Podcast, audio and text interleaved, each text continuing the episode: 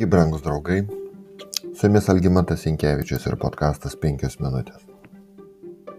Karalių ir metraščių knygose kiekvieno judo Izraelio karalių valdymo prašymo pradžioje pateikiamas trumpas kiekvieno karaliaus apibūdinimas.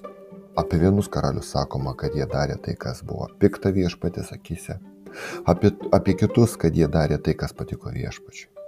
Tarp Izraelio valdovų nebuvo nei vieno pamaldaus karaliaus nei vieno. O tarp Judos buvo tik aštuoni karaliai, kurių pamaldumas minimas jų biografijoje. Vienas iš šių karalių buvo ketvirtasis Judo karalius Jozapatas. Jozapatas buvo 35 metų, kai pradėjo karaliauti ir karaliavo Jeruzalė 25 metus. Jo motina buvo Azuba, Šilchijo duktė.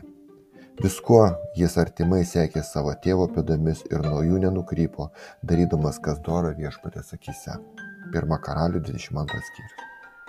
Viešpats buvo su Jozapatu, nes jis ėjo savo tėvo ankstesnėmis pėdomis ir nesikreipė į Bealus, bet garbino savo tėvą Dievą, žinau, savo tėvo Dievą, vykdydamas jo įsakymus ir nesilgė kaip Izraelis elgėsi. Užtat viešpats sustiprino jo rankose karalystę ir visas judas davė Jozapatui duoklę. Jis turėjo apšiai turtų ir buvo vertas garbės.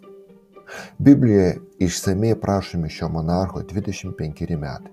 Minimos jų pergalės, dvasinės ir karinės, taip pat klaidos, iš kurių viena buvo politinės santokos sąjunga tarp Jozapato sūnaus Jehoraamo ir pikčiausio priešų Izraelio karaliaus Ahabo dukters Atholijos. Vėliau ši sandoka iš Judo beveik atėmė jo sostų įpėdinius, nes Atalija po sunaus mirties, norėdama asmeniškai valdyti judėją, bandė sunaikinti visus Jozapato palikonis. Tarp dvasinių Jozapato laimėjimų norėčiau atkreipti dėmesį į du dalykus. Pirmiausia, jis atnaujino edukacinę mokomoje veiklą judėjoje. Tačiais savo karaliavimo metais jis pasiuntė savo pareigūnus Ben-Hailą, Abdiją, Zachariją, Netanelį ir Mikają mokyti judo miestuose. Su jais pasiuntė levitus Šemają, Netaniją, Zebadiją, Asaelį, Šemiromotą, Jehonataną, Adoniją, Tobiją ir Tab Adoniją. Jos lydėjo kunigai Elešama ir Jehoramas. Jie mokė visame judė, jude turėdami su savimi viešpatės įstatymo knygą, mokydami žmonės jie apie visus judo miestus. Prieš mirtį Mozė paliko Izraeliui svarbų pamokymą, kurį mes žinome kaip Torą. Jozapato suprato, kad visos religinės reformos neteks prasmės, jei žmonėms ne, nebus mokoma Dievo žodžio tiesos ir jų gyvenimas nesrems Toros mokymu. Žmonės turėjo ne tik pakeisti religinę praktiką ir atsisakyti stabmeldystės, jie turėjo suprasti, kas yra Abraomo, Izaoko ir Jokūbo Dievas. Dievas išvedęs jų protėvis iš Egipto ir sandoros Dievo Sinajoje. Kas įvyko? Daugelis Jozapato pavaldinių iš naujo pažino Dievą, nes labai ilgą laiką jie patyrė mobitų ir amonitų kultų, kurios jų protėviai garbino Saliamono, Rehabamo ir Abijos laikais įtaką. Jozapatas įtikėjo, kad jo žmonių klėstėjimas priklauso nuo paklusnumo viešpatės įstatymams. Todėl jis padarė viską, kas jo galioje, kad žmonės, žmonės susipažintų su dieviškais reikalavimais, kad jie patys galėtų mesti nuodėmelę ir pilnai vaikščioti viešpatės keliais.